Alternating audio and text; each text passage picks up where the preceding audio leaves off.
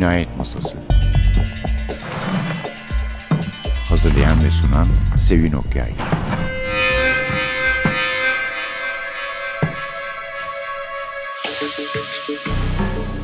Merhaba, NTV Radyo'nun Cinayet Masası programına hoş geldiniz. Efendim biz bu programa yani 20, 21, 22, 20 küsur yıl önce Agatha Christie ile başlamıştık. Hatta Hercule Poirot ile Jazz programına da Duke Ellington'la gayet iyi hatırlıyorum. Sevdiğim yaratıcılarla başlamışım. Arada bir Dame Christie'yi yoklarız gene, hatırlarız gene. Bu hafta da öyle bir şey yaptık. Bir resmi Agatha Christie sitesi var. Gayet de güzel bir sitedir. Her şeyden haberdar eder insanı. Mesela oyunlar var. Oyunların dışında hani ipucu gibi insanların katıldığı etkinlikler düzenliyorlar. Mesela bir yemek yemeye gidiyorsunuz aynı zamanda katili bulmaya çalışıyorsunuz gibi. Televizyonda tekrar ya da yeni Agatha Christie uyarlamaları olursa, yeni bir film olursa onları haber veriyorlar. Ve bu seferde bu ayda yazlık evini ikinci eşiyle birlikte oturdukları yazlık evi konu alan kitapları seçmişler. Üç tane. Biz de onlardan bir tanesini seçtik. Ordeal by Innocence. Ordeal by Innocence Şahidin Gözleri adıyla da çevrilmiş Türkçe'ye ama ben bugün okuma parçası, okuma bölümü olarak Hayat yayınlarından çıkan 1962 olması gerekiyor. İçimizden biri halini seçtim. Ancak yıllarca altına da Agatha Christie çevirileri yapan Suveren kardeşlerden biri var. Gülten Suveren. Dolayısıyla kendinizi gene Agatha Christie okuyor gibi hissedebiliriz. Şimdi de o duyguyu bize malum Çiğdem Öztekin veriyor. Evet, Devon'daki evi burası aslında Agatha Christie'nin İngiliz Riviera'sı denen Greenway bazı hikayelere de ilham kaynağı olmuş ve Dame Christie de orada gerçekten çok mutlu olmuş. Zaten küçükken Torquay'da da Asheville'de aynı şekilde mutluluğu yaşamış. 1938'de ikinci eşi arkeolog Max Mullivan'la ilk eşinde biliyorsunuz bir mutsuz olup evden kaçma, kaybolma, sözde Pere Palas'a gelme ki bilemiyoruz yani ne yaptığı bilinmiyor aslında o süre içinde. Mutsuz bir evlilik hikayesi var ama Max Mullivan'la çok mutlu olmuşlar ve birlikte gittikleri kazılar da Agatha Christie'nin çok inandırıcı bir şekilde Mısır ve Orta Doğu kentlerini ve kazı bölgelerini mekan edilen kitaplar yazmasına imkan verdiği gibi Greenway'de kullanmasını sağlamış. Şimdi ise arkadaşımız Suat Çalkevik her zaman olduğu gibi bize kitaptan bir bölüm okuyacak.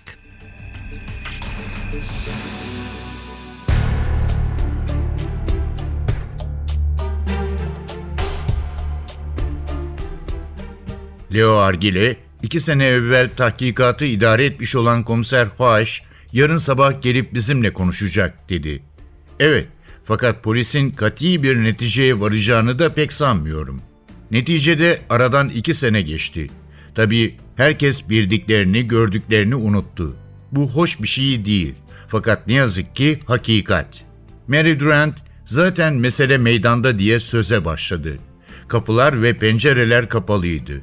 Fakat bana kalırsa biri annemi görmeye geldi. Ya kendisinden yardım rica ettiğini veya bir tanıdıktan haber getirdiğini söyledi. Tabii annem de onu içeri davet etti. Ondan sonra da başını salladı. Zaten babam o akşam 7 ila 7.30 arası kapının çalındığını zannediyor. Avukat merakla Leo Argile'ye döndü. Ev sahibi evet dedi. Zannedersem tahkikat esnasında böyle bir şey söylemiştim. Şimdi pek iyi hatırlamıyorum tabii. Galiba kapının çalındığını zannettim ve aşağıya inmeyi düşündüm. Hatta ayağa da kalktım. Fakat o sırada kapının açılıp kapandığını duydum. Pek gürültü patırtı da olmadı. Demek ki gelen şahıs içeriye zorla girmemişti. Avukat Marshall tamam diye cevap verdi. Demek biri yardım istemek veya haber getirmek bahanesiyle buraya geldi. Bayan Rachel Argyle de kendisini içeri aldı. Tabii adamın gayesi hırsızlıktı. Bayan Argile'yi bayıltmak arzusuyla başına vurdu. Evet, hadisenin böyle cereyan ettiğinden eminim. Son derece ikna edici bir tavırla konuşuyor, bir taraftan da odadakileri süzüyordu. İçinden Mary Durant, güzel, muhayyilesi geniş olmayan, sakin, soğuk, kendinden emin bir kadın diye düşünüyordu. Philip Durant, zeki ve yakışıklı bir genç. Biraz ihtiyatlı davransaydı iş sahasında çok muvaffak olurdu. Ama o karısı kadar sakin değil. Bak, karısı beni dikkatle dinliyor. Gözlerinde düşünceli ve müteyakkız bir ifade var. Meselenin iddia ettiğim kadar basit olmadığını pekala biliyor. Tabii Mary Durant de zannettiğim kadar sakin ve lakayt olmayabilir. Neticede daha o küçükken bile hislerini ve düşüncelerini kolaylıkla saklardı. Philip Durant'in avukata dikilmiş olan parlak gözlerinde müstehsi bir ifade belirmişti. Tekerlekli sandalyesinde hafifçe kımıldandı ve Mary hemen ona doğru döndü. Kadının çehresinde beliren sevgi dolu ifade avukatı bayağı şaşırtmıştı. Tabii Mary Durant'in kocasına düşkün olduğunu biliyordu. Fakat o soğuk kadının böyle delicesine, çılgıncasına aşık olabileceği aklının köşesinden bile geçmemişti. Demek Filip'i bu kadar çok seviyor. Adamsa endişeli, hakkı da yok değil. Avukat Marshall'ın tam karşısında Mickey oturuyordu. Genç, yakışıklı ve bedbaht Mickey. Avukat, o neden bedbaht diye kendi kendine sordu. Rachel Argyle onun için elinden gelen her şeyi yaptı. Mickey ise sanki bütün dünyaya düşman. Mickey'nin yanında ufak, zarif bir kediye benzeyen Tina oturuyordu. Esmer, tatlı sesli, kocaman siyah gözlü, kibar tavırlı bir genç kız. Marshall, Tina hakkında fazla bir şey bilmiyordu. Kız, Rachel Argile'nin tavsiyesi üzerine kütüphanecilik tahsil etmiş ve Redmond'daki umumi kütüphanede de iş bulmuştu. Şimdi oradaki küçük apartmanında oturuyor. Fakat hafta sonu tatillerini burada köşte geçiriyordu. Anlaşılan ailenin yumuşak başlı, hayatından memnun yegane ferdi Tina'ydı. Hoş bu da doğru muydu bakalım? Mamafi onun cinayetle bir alakası yoktu herhalde. Zira o gece evde değildi. Redmin 35 kilometre mesafedeydi. Genç kız gizlice eve gelmiş de olabilirdi.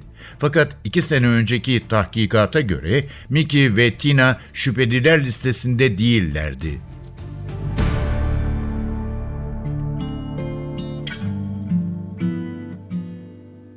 Have I told you lately that I love you? Can I tell you once again? Somehow, have I told with all my heart and soul how I adore you? Well, darling, I'm telling you now. Have I told you lately when I'm sleeping?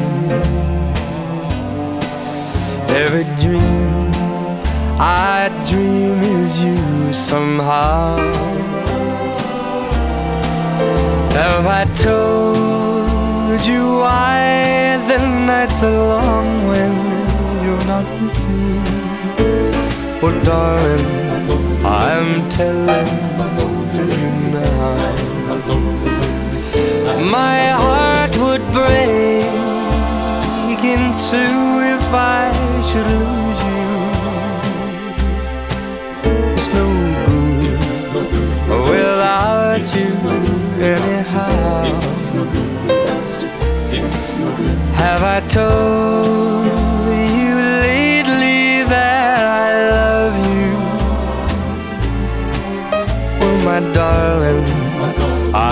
tell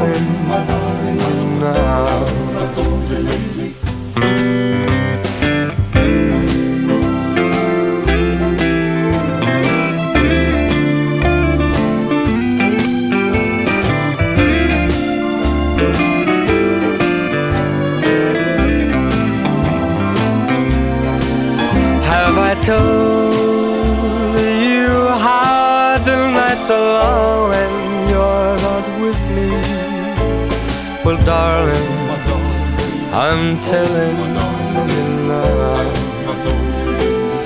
My heart would break in two if I should lose you. It's no good without you anyhow.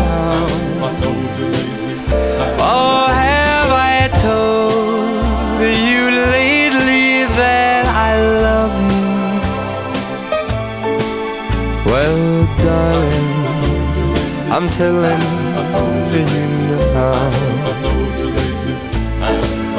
My sweet darling, I'm telling you now. Darling, I'm telling you now.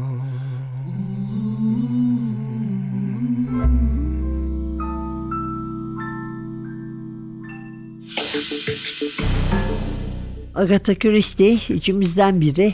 Ordeal by Innocence. Yazarın Greenway'den ilham alarak yazdığı kitaplardan. Başka neler var? Böyle mesela Sonuncu Kurban var. Dead Man's Folly. Bir Hercule Poirot kitabı. Bir Hercule Poirot kitabı daha. Kimine göre en iyi kitabı. Beş Küçük Domuz. Five Little Pigs. Bu bayağı eski 1942'de yazılmış. Ve The Guardian'ın en iyi Agatha Christie sıralamasında 6. sırada mesela. Bir de Şahidin Gözleri adıyla da çevrilmiş olan Ordeal by Innocence. Ki bu haftaki kitabımız ama burada Hercule Poirot ya da Jane Marple yok. Ve öyle tek bir kitapta kahraman olan anlatıcı ve muamma çözücü olan bir kişi var. Arthur Calgary. Arthur Calgary bir kutup gezisine çıkmış olan bir bilim adamı. O geziye çıkmadan önce arabasına bir delikanlıyı almış. Çok tatlı sözlü, sohbeti keyif veren birisiymiş. Konuşmuşlar, sohbet etmişler. Sonra onu istediği yerde bırakmış ve ertesi gün gazeteleri görmemiş çünkü bir kaza geçirmiş, araba çarpmış ona. Kendi bilmeden yatmış hastanede. Sonra kendine gelince güç beler yetişip gitmiş kutup gezisine. İki yıl sonra dönmüş ve bu arada hiçbir şeyden haberi olmamış. Oysa o akşam arabasını aldığı kişi yani Jacko Ergel cinayetle suçlanmış. Jacko çok küstahça davranmış, kendinden çok emin davranmış.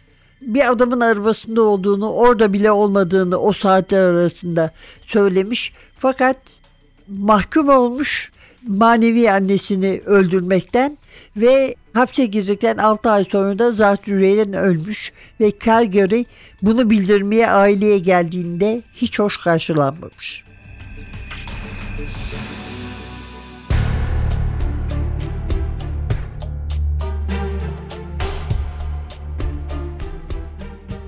Bu heyecan yaratıcı bir haber olmalıydı.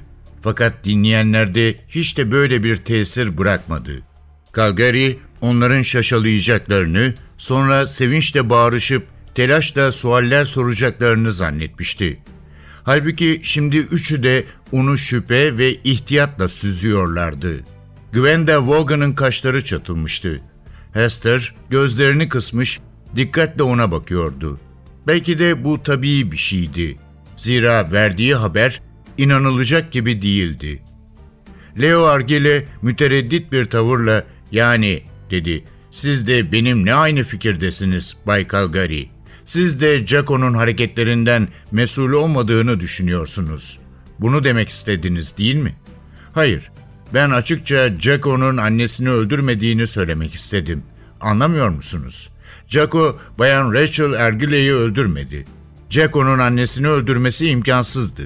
Ne yazık ki müthiş bir aksilik yüzünden masumiyetini ispat edemedi. Halbuki ben onun suçsuz olduğunu açıklayabilirdim. Siz mi? Evet, onu arabasına alan adam bendim. Bunu o kadar hafif bir sesle söyledi ki karşısındakiler bir an onun ne demek istediğini anlayamadılar. Daha onlar kendilerini toplayamadan kapı açıldı ve orta yaşlı çirkin bir kadın içeri daldı. Kapının önünden geçerken duydum. Bu adam Jaco'nun Bayan Argile'yi öldürmediğini söylüyordu. Bunları niçin söylüyor, nereden biliyor? Aksi sert çehresi birdenbire buruşu verdi. Yalvarır gibi ben de dinlemeliyim diye mırıldandı. Dışarıda bekleyip merakla kıvranamam. Haklısın Kirsty. Sen de aileden sayılırsın. Leo Argile kadını takdim etti. Bayan Lindstrom, Bay Calgary. Kirsty, misafirimiz inanılamayacak şeyler söylüyor. Arthur Calgary merakla Kirsty Lindstrom'a baktı. Kadın İngilizceyi mükemmel şekilde fakat hafif bir aksanla konuşuyordu. Kadın böyle şeyler söyleyip de herkesi üzmeyin diye homurdandı. Hala itham eden bakışlarla genç adamı süzüyordu. Onlar bu felakete sabırla göğüs gerdiler. Şimdi gelmiş bir takım hikayelerle onları rahatsız ediyorsunuz. Bütün olanlar Allah'ın emriyle oldu. Kadının sathi sabrı Calgary'nin sinirine dokunmuştu. Anlaşılan Kirsten Lindstorm, felaketlerden garip bir zevk duyan o çapraşık ruhlu mahluklardandı. Ne yazık ki Calgary onun bu zevkine mani olacaktı. Sert bir tavırla o akşam 7'ye 5 kala Drymouth yolunda genç bir adam işaret vererek arabamı durdurdu dedi. Kendisini otomobilime alıp Drymouth'a götürdüm. Yolda onunla bir hayli konuştuk. Neşeli, şirin bir çocuktu. Gwenda Vaughan, Jacko çok cana yakındı dedi. Onunla konuşan herkes kendisinden hoşlanırdı. Fakat sonradan aksidiği, hırçınlığı dolayısıyla ahbaplarını kendinden soğuturdu. Bir de dürüst bir insan değildi. Düşünceli düşünceli ilave etti. Fakat tanıdıkları onun ahlaksız olduğunu ancak neden sonra farkına varırlardı. Kirsty Lindstorm genç kadına döndü. Ölülerin aleyhinde bulunmamalısın. Leo Argile hafif bir hiddetle homurdandı. Rica ederim Bay Calgary, devam ediniz lütfen. Neden bugün geldiniz? Evet, Hester nefes alamıyordu adeta. Neden bu vakte kadar saklandınız? Gazetelere hemen her gün ilan verdik. O meçhul şahsın ortaya çıkması için yalvardık. Bu kötülüğü, bu egoistliği nasıl yapabildiniz?''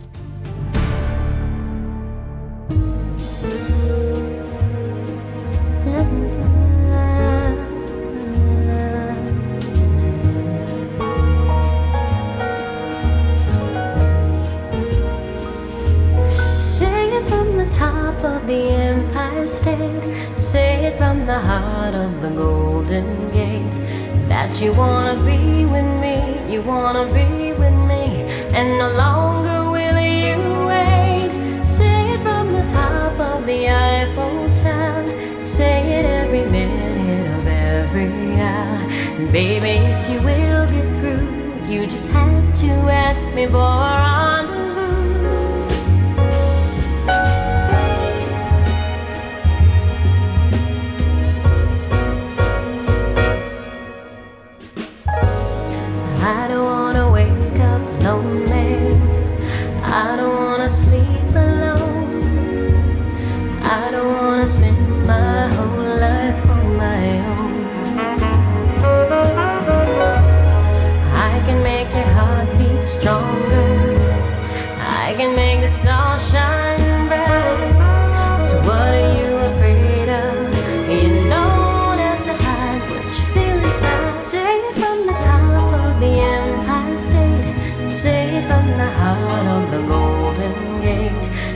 you wanna be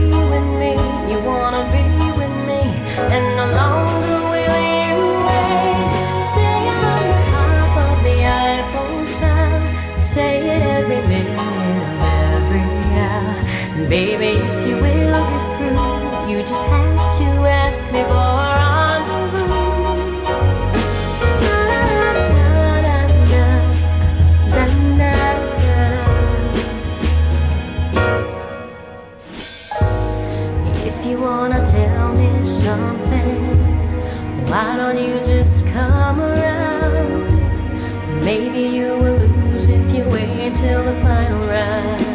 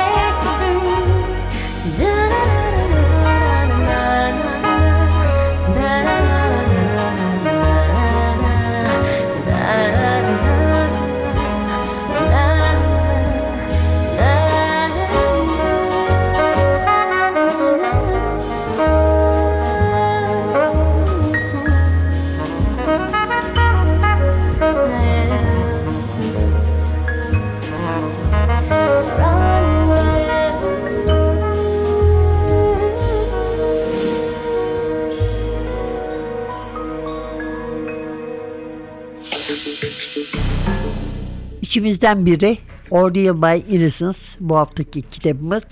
Hiç hoş karşılanmamış dedik. Neden? Çünkü bir defa ailede Jacko'yu seven çok az. Çünkü Jacko küçüklüğünden beri üç kağıtçılık peşinde. Daima başı derde girdi mi yalan söylemeyi bir şekilde işin içinden kurtulmayı seven ani öfke krizleri olan kendine hakim olamayan bir çocuk. Yani çok sevimli olabildiği halde aileden kimsenin sevgisini, sempatisini kazanmamış. Aile de şöyle bir aile. Beş çocuğun beşinde e, Rachel Ergel çocuğu olmayınca savaştan sonra evlat edinmiş. Yani aslında hiçbirisi onun çocuğu değil. Fakat diyor ki kocası sonuna doğru inanıyordu artık onların kendi çocuğu olduğuna ve çok müdahale ettiği, hayatlarını yönetmeye, kontrol etmeye kalkıştığı için aslında bir tanesi hariç diğerleri anneyi de sevmiyorlar.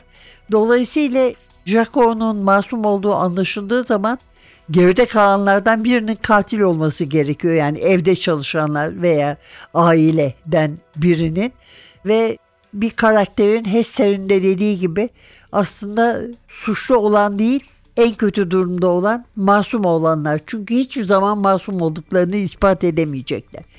Evet gerçekten iyi bir kitaptır.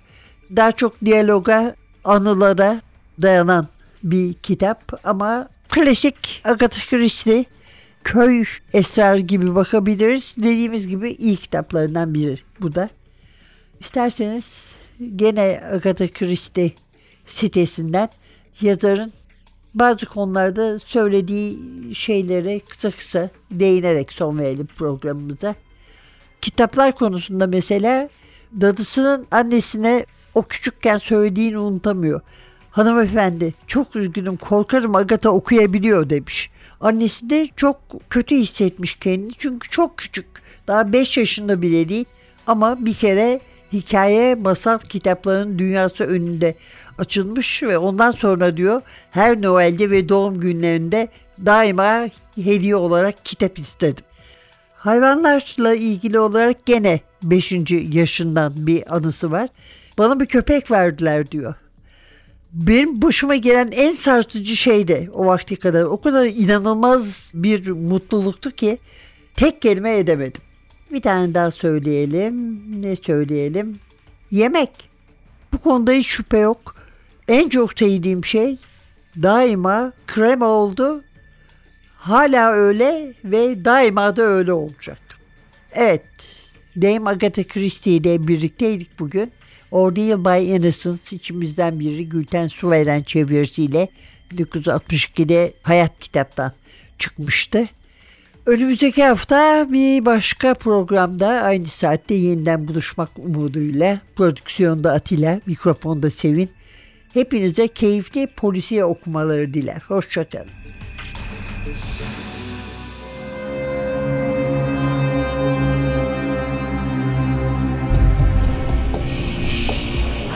Cinayet Masası Hazırlayan ve sunan Sevin Okyay Cinayet Masası sona erdi. Programın tüm bölümlerini ntvradio.com.tr adresindeki podcast sayfamızdan dinleyebilirsiniz.